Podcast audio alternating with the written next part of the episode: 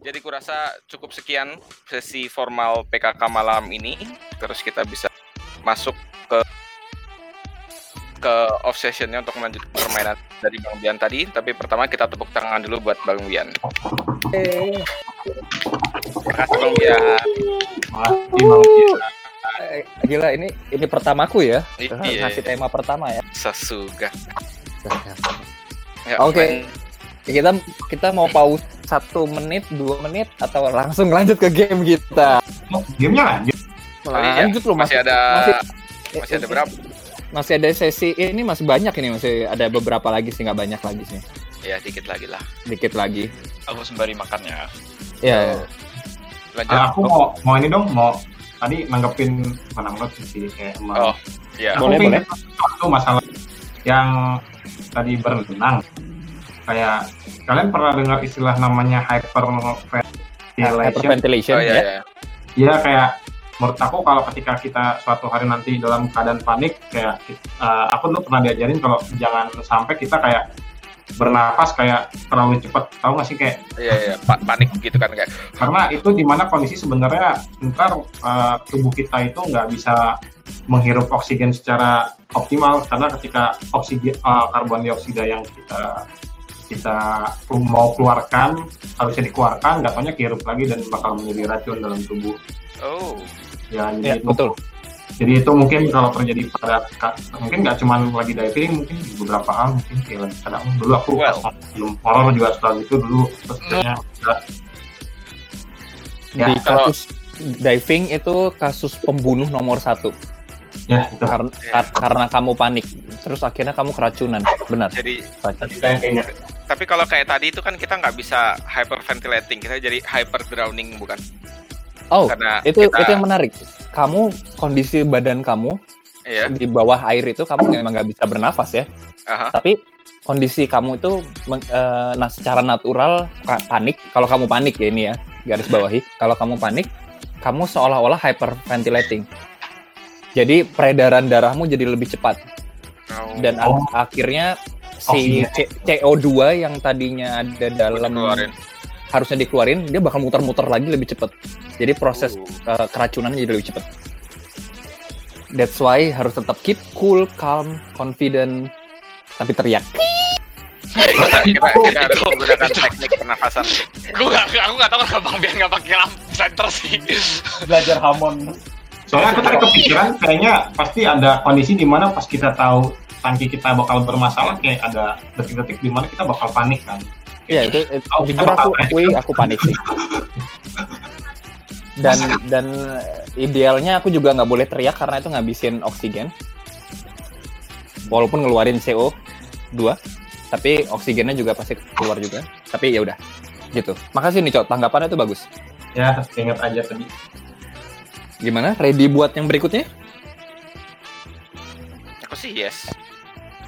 Oke. Yang berikutnya ini lebih ini nih. Mungkin bisa sedikit relate. Kalau ini aku ngalamin sih. Lagi-lagi aku tahu jawabanku. Cuma aku penasaran sama jawaban kalian. Hmm. Oke. Kalian sekarang lagi kencan nih duaan. Pacaran gitu ya. Deto, Deto. Deto. Tapi detonya nggak di kota. Ka- Kencan. Kalian sama-sama penikmat ini, penikmat alam. oh, Terus akhirnya jalan-jalan gitu ke alam. Terus kalian ya ada area padang rumput gitu ya kalian kalian lalui itu ada ada hut di sana. Lalu kalian masuk ke area hutan. Nggak nggak nggak tebel jadi matahari masih bisa masuk-masuk. Lalu setelah area hutan ini ada danau. Kalian sana cipak cipuk lah ya bareng gitu. Ih, cuy. Nah, terus tiba-tiba kalian sadar, uh kok ini langit kacau nih, kayaknya bakal hujan deras nih. Yuk beres-beres, ayo. Saat kalian baru memasuki area hutan, eh kalian ini apa namanya sudah diterjang angin keras dan hujan. di situ kalian bisa lihat di hutan itu ada kayak eh, apa ya dahan-dahan pohon yang jatuh, ada dedaunan, Eh, tapi hujan makin deras gitu dan deras banget, deras banget dan kalian berpikir bahwa ini bakal lama hujan deras ini. Oke, apa yang akan kalian lakukan? Oh, kita ke sana naik mobil ya? Atau Oh, mo- mobilnya Apa? ya udah diparkir di mana gitu. Maka, tadi kan tadi sudah aku ceritain situasinya. Kalian lewat padang rumput, di sana ada hut, terus masuk ke Oke. area hutan, hutannya nggak terlalu lembab. Ya. Matahari masih bisa masuk, terus masuk ke area danau, terus baru kali kalian masuk area hutan lagi dari danau, hujan lebat deras banget. 30 detik mulai dari sekarang. Yo.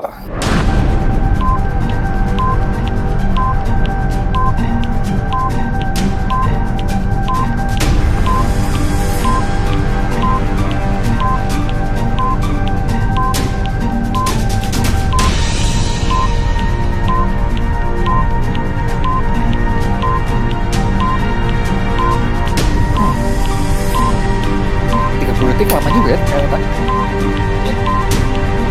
Tipu-tipu ya kamu ya?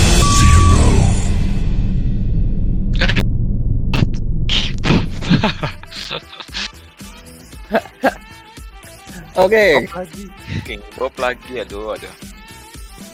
Ya udah deh, abis ini aku nggak jawab lagi deh. gitu sih? Tadi tidak. Ayo, Jawab Bob. aja. Gimana, King Bob? Tadi kalau yang bisa aku tangkap dari ceritanya, misalnya aku sama pacarku lagi wander gitu kan, lewatin gunung, lewatin lembah, ada, ada danau, terus tiba-tiba masuk hutan, nyampe hutan terus tiba- meskipun hutannya nggak lebat gitu, masih bisa banyak cahaya matahari masuk, terus tiba-tiba udah hujan atau bahkan mau badai. Kayaknya aku mikir pasti yang wander yang aku sedang jalani itu adalah kayak emang jalur wander gitu, jalur yang, yang dibuat khusus buat wander pejalan kaki gitu, yang udah dibuat sama ranger. Otomatis pasti di jalur yang sedang aku pilih itu pasti udah ada pos-pos yang dibuat emang khusus buat para wanderer-wanderer untuk istirahat dan nempel-nempel di stempel gitu kan. Jadi aku pikir kayaknya bakal cari itu terdekat sih sambil ya ngeluarin peralatan yang yang kayak jas hujan dan sebagainya, stiker? stiker, stiker. Iya, digelar. what what what, nah itu nanti Kan hujan. kan nyari posnya dulu ya. Oh iya.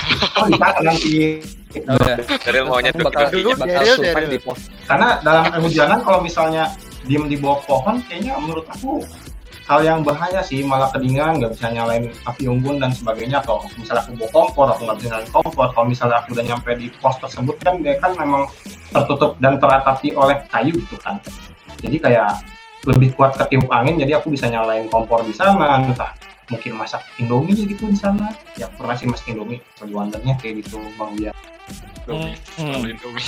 Indomie. pernah ya ya Pernah, pernah. Kami pernah masak waktu itu. ya gue yang bawa indomie bang Bian yang habisin Kemauan deh. Ya, selanjutnya eh, Maestro. aku kalau misalnya pos shelternya dalam jarak lari 5-10 menit aku bakal risk buat lari kalau enggak aku bakal cek perbekalan kayaknya sih mungkin diceritain ini kayaknya kalian nggak bawa tenda ya Enggak. Kayaknya bakal ngecek apa yang ada untuk bikin shelter darurat dengan eh, situasi alam yang ada gitu kayak mungkin cari gundukan yang bisa direntangin Hmm, bikin shelter darurat ya. Atau bisa bikin shelter shelteran Menarik, menarik, menarik. Itu jawaban yang aku expect dari kalian semua. Mau tahu jawabanku seperti apa? Atau kita lanjut ke berikutnya? Sama. Gimana gimana gimana Gimana, coba gimana? gimana gimana gimana gimana gimana gimana. Jadi bener kata Maestro, aku lari telanjang karena itu kami, eh, aku habis nggak sempat apa ya nggak sempat ganti baju habis berenang di danau. Terus si Neng udah panik, "Ini mau hujan loh, kamu ini lama banget sih. Eh. Terus bener hujan waktu di itu di di hutan. Lalu dengan smartnya aku bilang, hmm kita bisa berteduh di sini nih, kita bisa bikin sel- shelter dadakan. Tapi tapi ke- di tengah ngebuat shelter itu seperti yang tadi Maester bilang bisa bikin shelter itu benar di tengah pembangunannya tiba-tiba ada petir terus aku takut petir terus aku lari Kami lari. terus dia juga ikutan lari Kalau biar masih telanjang. Eh, iya. Aku aku beneran takut sama petir. Iya, itu itu nyalanya tuh wow kacau banget. Real it's real. Terus aku lari. Terus aku secara insting larinya ke hood yang tadi di area lapangan itu. Nah di Oh, sana ada. di sana tuh nggak ada cuma kami berdua. Eh, di sana uh, aku lari tiba-tiba uh, terus terus uh, aku bilangnya "Eh, iya lebih baik kita ada di hood ini kita kebasahan dikit kena hujan cuma ini anginnya itu bikin keblok kan sama hood ini jadi kita nggak apa-apa di sini anget kita ini bisa bikin api padahal utamanya adalah Gimana rasanya bang? Hujan-hujanan tapi telanjang lari-larian. Sumpah aku juga pengen banget tuh merasa menyatu dengan alam. Eh, eh? Daryl. kamu tahu badan kamu panas badan kamu tuh lengket keringetan tapi kamu ba- basah kena angin Iya Eh, terus kena kamu hujan. apa-apa. Apa Dan nggak- pas pakai apa? Pernah ini ya mandi hujan gitu pas masih kecil. Ya Iya, mandi. pernah, cok. tapi kan di aspal lari-larinya Cuma di beda sensasinya, cok. Lu lari di hutan, hujan-hujanan, telanjang misalkan gitu kan. Semak-semak lu nyapa semak-semak yang ada di sana anjir. yoi kena ranting-ranting gitu oh bener Iya. dong oke Lanjut. Berikutnya nih berikutnya nih. Eh, aku butuh pendapat kalian. Kalian mau yang Yes. yang gimana ya? Eh, kayak tadi pengalaman sebenarnya pengalamanku. Terus kalian mereka ulang atau sekarang mau sedikit imajinasi dari kalian kamu Nggak tahu itu yang kita lakukan setiap minggu Hit me. Kayak role playing aja ini aja. Aku aku. Oke, kalau gitu aku kasih ini pertanyaan. Ting- tinggal aku kasih tiga pertanyaan lagi. Sekarang sekarang relatif simple kalau kalian kalau kalian ini eh, apa ya logisnya lagi jalan logikanya lagi jalan kalian adalah pemerintah terus ada gempa kalian ini engineer yang tahu bakal ada tsunami. Tapi kota yang di kamu kamu iniin, kamu kamu pimpin belum ada mitigasi untuk tsunami. Tolong buat dari awal sampai akhir gimana mitigasi bencananya. 30 detik mulai dari sekarang What?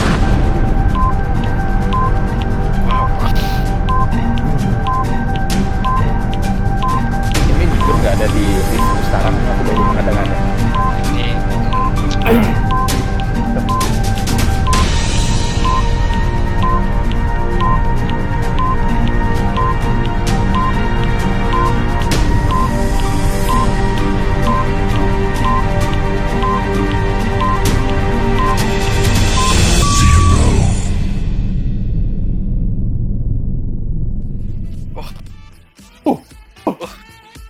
Oke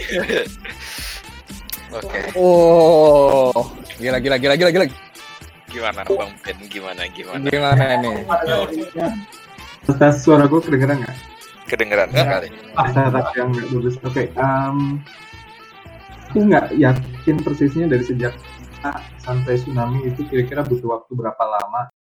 Mungkin tergantung posisi gempanya juga dari sebelah mana ya. Betul. Eh, meskipun posisinya adalah sebagai engineer tadi seperti soal yang kamu bilang, tapi kupikir yang bisa dilakukan secara ter dalam terbatas itu harus cepat-cepat mengkomunikasikan ke semua orang sih. Jadi eh, mungkin entah ada dalam sepower apa yang kupunya mungkin bisa kayak ngeblast eh, melalui cellphone atau um, ngeblast uh, ke sel ke HP terus ke masjid-masjid kalau di Indonesia supaya pakai halo-halonya itu untuk ketuanya itu untuk segera menginformasikan. Terus ya langsung kosongin jalur apa jalan dari dan ke arah pantai supaya jadi satu arah gitu menjauhi pantai. Jadi meskipun tadi posisinya engineering, tapi aku pikir ini uh, terus cepat-cepat koordinasi. Itu jawabanku. Oke. Itu ya aku aku bisa bayangin itunya alurnya diagram alurnya. Sekarang maestro. Kalau aku memikirkan dua skenario. Mhm. Eh, kalau yang pertama, kalau ini, ntar tadi aku agak agak skip sih. Jadi kita dapat dari satu sensor. Ya. Oke, tapi kamu nggak ngasih tahu berapa lama sampai Enggak enggak. kalau kalau gitu skenario benar. Eh, kalau misalnya ini masih sekitar di atas dua jam menurut perakiraan sensorku, mungkin aku bakal kontak uh, berhorde yang bersangkutan, uh, bagian pemerintah yang bersangkutan. Tapi kalau misalnya kurang daripada itu, mungkin aku bakal bikin yaitu gerakan RT RW gitu langsung ke tetangga gitu kayak lari-lari Hmm. tsunami. Kalau yang sekedar kedua aku bayangin kayak waktu apa di Aceh pantai tahu-tahu surut gitu. Nah gitu. Ya, Udah langsung teriak aja gitu. langsung teriak. level RT RW. Tsunami, tsunami. Terus mungkin berharap orang ngelihatnya aku agak meyakinkan. Hmm. Iya, karena orang ya tadi asumsinya eh, orang tahu maestro pakai baju PNS gitu misalnya. Jadi meyakinkan kalau nah. Eh, itu sudah pola pikir yang sangat bagus. Memang kalau di mitigasi bencana itu adalah survival bersama. Eh, mau dia warning time-nya 5 menit atau 2 jam dilakukan pemerintah menurut standar prosedur dunia. Itu adalah ngontak behorde yang ada eh, apa yang yang berwenang gitu ya. Misalnya SAR langsung dikontak rumah sakit polisi itu langsung dikontak semua. Dan di saat yang sama ke ke, ke- apa namanya kepala RT gitu yang lebih kecilnya lagi. Dan zaman sekarang ya kalian udah tahu nanti lanjutannya gimana. Kayak orang harus evakuasi secepatnya dan nunggu di ditolong. Jadi situasinya adalah nunggu ditolong oleh pihak yang ber- berwenang. Walaupun banyak juga yang eh, pengen jadi hero karena alasan eh, kemanusiaan gitu ya. Ya tadi kayak kasus keluarganya itu misalnya terus dia malah ambil kapal terus malah nolong tapi itu sangat tidak dianjurkan. Dan zaman sekarang ini baru sedikit yang ini yang yang melaksanakan mitigasinya yang tadi kayak Ben bilang. Disebar melalui eh, cellphone itu masih masih sangat minim. Ini sudah ada yang pernah nyoba masih drill. Seingat aku itu di Jepang lupa kotanya apa. Drillnya itu ketika engineer-nya dapat dia ngasih ke ya pemerintah di di situnya langsung nga- ngasih ke provider terdekat. Itu dianggap sebagai yang berwer- ber- berwenang selevel SAR selevel polisi atau rumah sakit. Dan dari provider yang ada di situ langsung SMS semuanya atau email bahwa harus evakuasi. Tapi itu si- si- masih sangat langka karena masih drill, masih dicoba. Tapi bagus. Ini jawabannya oke. ya. Ini sekarang kasus ber, berkendaraan. Ya. Kalian ready untuk kasus berikutnya? Yeah. Good. eh kamu eh nyetir. Enggak enggak. Bukan kamu yang nyetir. Pasangan kamu nyetir. Kamu duduk di sebelahnya. Jalan licin. Mungkin karena hujan. Terus tiba-tiba kamu selip. Ke kalian tumpangnya itu selip. Terus muter-muter. Cekik, oh oh no. Terus kamu sadar bahwa pasangan kamu shock atas kejadian itu. Eh, masih masih seperti itu. Kondisi sadar bahwa pasangan kamu shock. Kamu ngelihat ke jalanan lagi. Jauh dari sana ada mobil lain sekitar ya anggaplah sekitar 200 meter di sana. Karena lampu kamu bisa lihat ada di sisi jalan bahkan ya agak keluar jalur gitu. Dan kamu kamu ya Bang Bian so mic-nya agak apa yang akan kalian lakukan di situ? Eh, ini ah, kalian bisa nyetir ya. Tapi yang saat itu nyetir pas karena versi herumnya eh, asuransinya ada di, di ada itu Tadi kalian dengar Bian putus-putus satu. Terus, Iya. oh no Iya. putus-putus Iya. Putus-putus Bang tadi. Eh, sekarang better Sekarang better, coba ulangin. Oke, ulangi lagi ya. Kak, kamu lagi berkendara sama pasangan. Kamu bisa nyetir, tapi pasangan kamu yang nyetir. Karena bil itu asuransinya di tangan pasangan kamu. Atas nama dia gitu. Tiba-tiba mobilnya selip karena ini licin jalanan. Terus muter-muter, cip.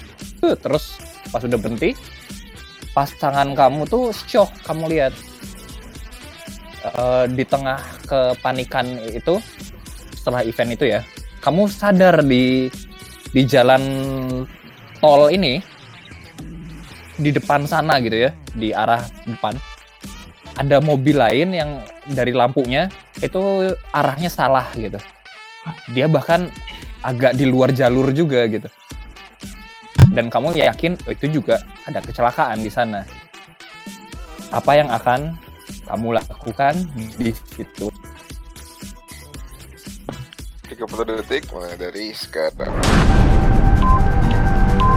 Bang Bian kita slipnya di tengah jalan atau muter-muter terus muter-muter terus di pinggir kopinya di pinggir. Dan dan mobil sama yang mobil yang berikutnya yang kamu curigai kecelakaan juga itu sekitar ya 200 meter. Apa kami lihat bakal ada mobil yang jalan dari, dari belakang? Bagian itu Oh, saat itu masih kosong saat itu saat momen itu tapi kamu nggak tahu apakah nanti akan ada mobil lain atau enggak waktu sudah berakhir. Daryl Jungki no kurang E Oke, satu lagi. Atau Oh, Ben. Selamat Ben, naik level. level satu level satu kira. luar biasa Jadi gimana? Oke, King Bobu. King Bobu. Oh, Gimana? apa ya? Kayak tadi yang aku tangkap adalah mobil kita slip, terus somehow kita lihat di depan kita juga ada yang juga ada kemungkinan bisa jadi yang di depan kita slip, terus di belakang aku belum lihat belum lihat eh, apa namanya eh, Kendaraan lain. kendaraan lain gitu. Kayaknya aku bakal ngajak pacarku mungkin eh, pelan-pelan buat mengendalikan shocknya dia. Kalau misalnya emang dia bisa, misalnya dia dalam kondisi bisa mengendarin mobil ya, aku bakal ngajak dia buat kayak minggirin mobil itu juga. Kalau emang dia shock banget sampai tangannya gemeteran, bisa ngapain gitu. Akhirnya kayaknya aku bakal keluar dari mobil, terus aku bakal bawa dia keluar, pinggirin dia, ke tempat yang aman. Terus kalau masih ada waktu, mobilnya aku pinggirin juga. Nah, kayaknya emang itu jalanan rawan selip kayaknya aku takut nanti dari belakang ada slip-slip lainnya yang nyelip saya menyusul slip-slip susulan gitu jadi ya aku rasa sih itu sih Oke, Ben, gimana? Eh, aku tadi mikirnya berasumsi bahwa si mobil atau yang lampu yang eh, lampu mobil yang satu lagi itu mengindikasikan bahwa mobil tersebut sedang arah curigai akan menabrak kita. Asumsiku bener nggak sih? Eh, jadi karena ini di jalan tol, kalau di lajur itu pasti arahnya sama ke depan semua. Ah. Jadi dia bukan ke arah ke- kalian. Oh, jadi jadi nggak ada nggak ada ancaman bahwa Nggak ada ancaman dari depan ya. 200 meter. Aku soalnya mikirnya kalau dalam 200 meter itu kan kalau di tol mungkin kayak 10 detik nggak nyampe barangkali. Hmm. Itu ya mungkin dalam 10 detik yang bisa cepat-cepat dilakukan. Aku nggak tahu nyopot seat belt, buka pintu, lari keluar. Seandainya akan ditabrak dalam 10 detik itu, aku nggak yakin apakah akan kekejar, eh, keburu. Tapi ya mungkin itu yang akan kalau dalam terancam akan ditabrak mobil lain. Tapi kalau misalnya waktunya lebih lega, eh, yang pertama mobilnya dipinggirkan, terus yang kedua eh, yang nyetir pasanganku berarti dia kita berdua harus keluar dulu dari mobil supaya bisa menenangkan diri. Lalu memberi informasi ke polisi atau atau keamanan. Jadi tergantung urgensi. Aku tadi salah nangkep kayaknya.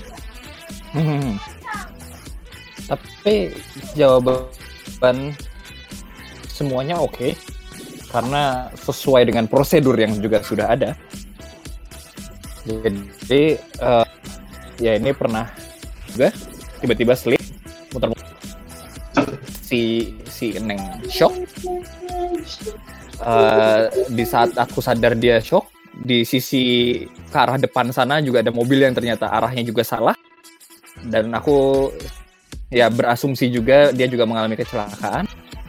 Yang aku lakukan adalah turun dari mobil, aku ng- ngambil si segitiga, terus aku taruh di lokasi tempat aku eh, Slip. selip gitu, ya. Terus aku ngobrol sama si dia bener-bener nggak bisa ngapa-ngapain, jadi dia duduk di sebelah, aku suruh pindah. Lalu aku jalan aku setirin mobilnya ke pinggir gitu ya. Tapi aku mendekat ke arah mobil yang di depan sana sampai jaraknya kurang lebih 100 kenapa demikian? Karena itu eh, ya itu prosedur yang kami pelajari kalau bikin sim.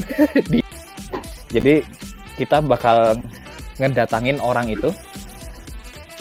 Minimal cari tahu kenapa dia bisa salah ke arah juga atau dia butuh pertolongan atau enggak tapi di saat aku jalan ke sana ya si Neng nelpon yang ber ini yang bersangkutan.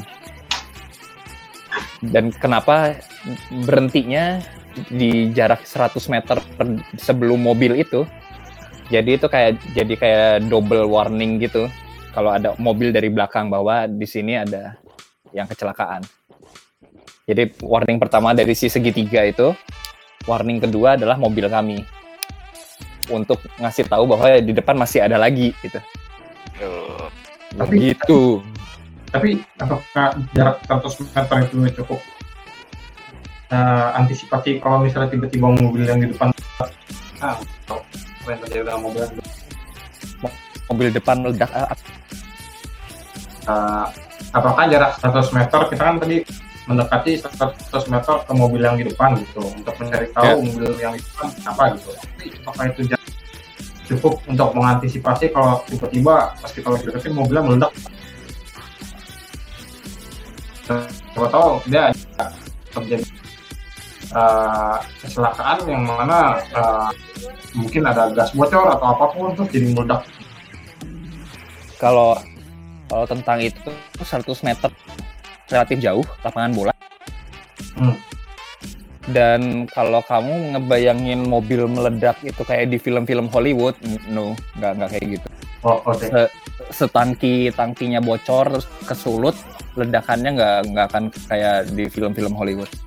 Oh, oke Jadi begitu. itu Nah, Yang- ini ka- ka- kasus terakhir. Oke. Ini ber- ini benar-benar butuh kreativitas. Ya. So, you guys ready? Oke, begini ceritanya.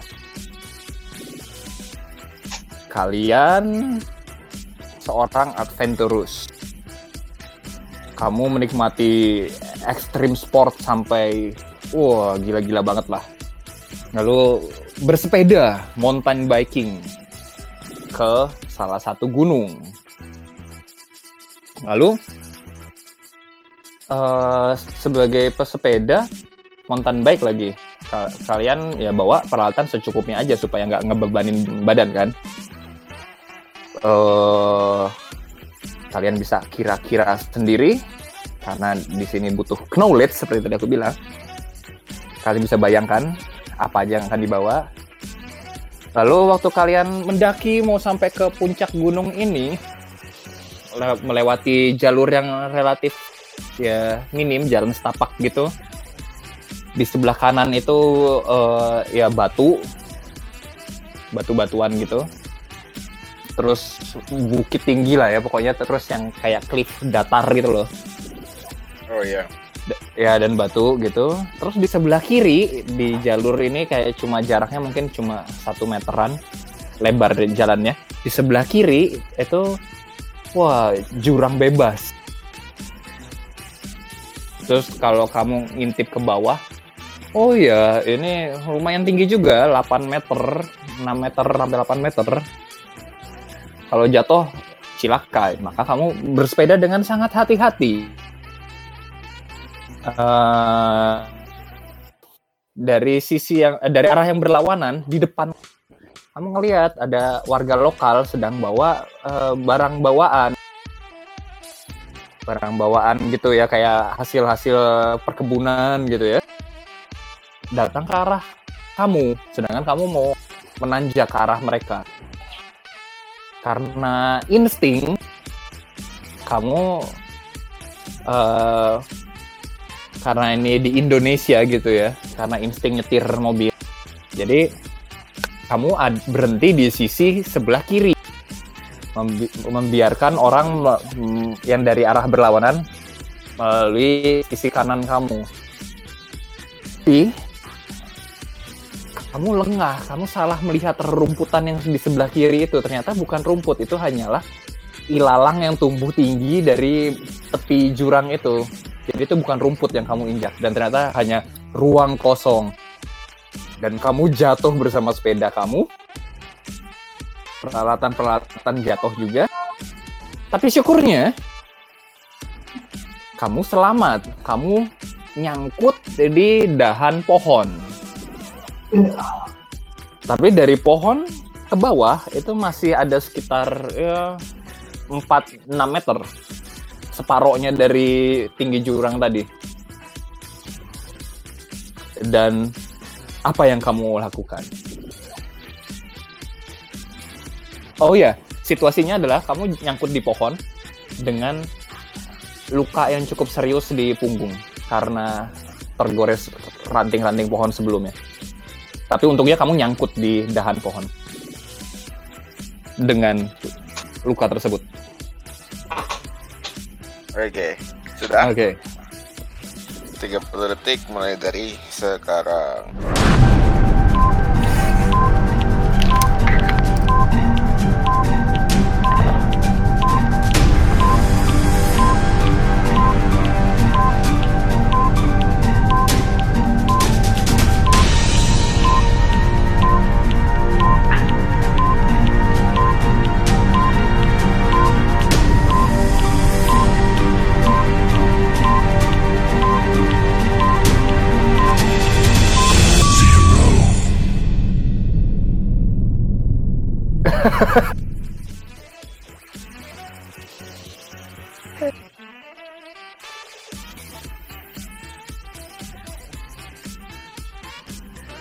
Eh bang TikTok ini.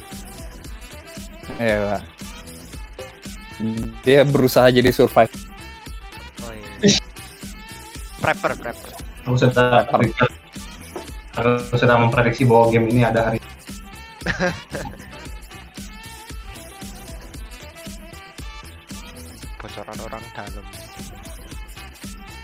Oke, sambil nunggu orang yang berikutnya menjawab, kita dengar dulu King Bob ada ide apa ini di saat seperti ini? kayaknya ketika aku jatuh eh, jatuh terus nyangkut di pohon mungkin bakal ada shock mungkin aku bakal pingsan sesaat gitu terus eh, pas aku bangun tiba-tiba aku nyadar di pohon terus kalau misalnya eh, menurutku ya dengan keadaan di mana aku nyangkut di ranting pohon pohon yang masih bisa masih bisa apa masih bisa menopang badanku untuk waktu yang cukup lama ketika aku pingsan kayaknya emang pohonnya cukup cukup untuk waktu lama. Tapi aku nggak nggak mungkin berada di situ terus kan palingnya kayak seperti terjadi kalau kita jatuh atau apa pun aku bakal ngecek part badanku bagian badan mana aja yang bisa digerakkan gitu terus eh, supaya apa aja yang masih tersisa gitu. Kan kita jatuh nggak mungkin kan. Pasti ada beberapa barang-barang yang kita bawa entah itu snack air atau tali dan sejenisnya jatuh ke jurang ada yang enggak aku bakal cari tahu gitu. Terus kalau misalnya um, mungkin kan aku bakal memperbaiki posisiku di pohon dengan bahan-bahan yang aku punya gitu. Sambil nunggu opportunity kayak tadi aku melihat mamang-mamang lewat di atas bahwa barang-barang pasti bakal ada mamang-mamang lainnya yang lewat di atas. Jadi ketika aku mendengar suara mamang lewat lagi aku bakal- sambil menunggu ya aku bakal mencari cara membuat posisiku pewek gitu. Kalau yang parah sih kayaknya mungkin ya. Kalau misalnya aku masih ada perban ya ketiga kecil gitu harusnya aku bawa I- itu interesting. Kayaknya tidak ada yang ngejawab nih berikutnya nih. Ya. Nggak kebayang ya. ya ini ini memang super absurd. Sangat susah dibayangkan. Oke, oh ini aku lagi glad karena nggak ada yang ngejawab lagi, gimana cok? itu tadi kan yang aku aku lagi kakiku nyangkut di pohon atau nancep gitu. Tapi kaki sebagai gantinya pohon kakiku jadi eh, apa sih kayak tiang yang kokoh buat nahan kaki nahan di pohon jadinya ya udahlah. Ya, kamu mau tahu apa yang aku lakukan di situasi seperti itu? Iya apa bang? Jadi iya. Enggak. It, eh, aku bajunya robek, punggungnya berdarah. Terus aku masih mau so ide mau turun dari pohon oh dengan yaitu dengan kekuatan mem- turun pohon gitu ya. Tapi sayangnya punggungku nggak mengizinkan itu karena sakit sekali. Lalu akhirnya aku nongkrong deh di situ berjam-jam sampai hampir. Eh, Karena nggak ada yang bisa kulakukan, nggak ada perban, nggak ada apa. Aku cuma berharap si mamang yang tadi ngelihat aku jatuh pergi manggil bantuan pergi memang dan mau ternyata dan ternyata benar Hmm. gitu setelah aku kayak super kelaparan kehausan kar- karena kena terik itu tapi ya ada dengan pakai tali-tali gitu itu pertama kalinya aku pakai ini apa namanya harness apa sih rappling namanya jadi dengan bisa punggung lagi sakit Jadi pelajaran yang bisa aku kutip dari kejadiannya adalah kalau misalnya suatu hari nanti aku ketemu mama-mama out nowhere, kayaknya aku gak bakal aku bakal senyumin dia. deh. Siapa tahu aku suatu hari nanti butuh bantuan. parah banget Kita harus ini anak yang tidak an kita butuh bantuan lo. ya kita kan homo sapiens homo sapiens Oh, homo sapiens. homo, homo apa ya homo yang sapiens butuh orang lain itu les mau orgasmu. What? Lavi les tolong lo la orgasmu. apa ya? Eh, asal mula kehidupan adalah orgasme. Eh, orgas. Hah? or- organisme. Masa aku pernah dengar hal itu? ngomongin apa sih? Lupa. Hey stop nih, kalian ngomongin apa ini? ini udah nih ya udah semua Tapi skenario iya, yang manusia bu, adalah makhluk sosial itu Thomas Hobbes bukan sih aku tapi lupa deh. Ingat juga lupa guys. Pada mau mama tolong disenyumin guys Mana mau mamang senyumin? ya, coba bayangkan bayangkan pas Bang Bian lewatin terus malah ngehina mama gitu ah mau mamang bau gitu. terus Bang Bian jatuh apakah mau mamang tersebut bakal balik buat nolongin Bang Tergantung. Ya, gimana Lu standar gitu. Muka lu standar. Anjir. Anda siapa sih itu kemarin? Nico. Nico. Oh, iya. aku cerita masalah apa tuh ini komunikasi Wis communication. Iya. Epic, epic, epic. itu, itu parah banget.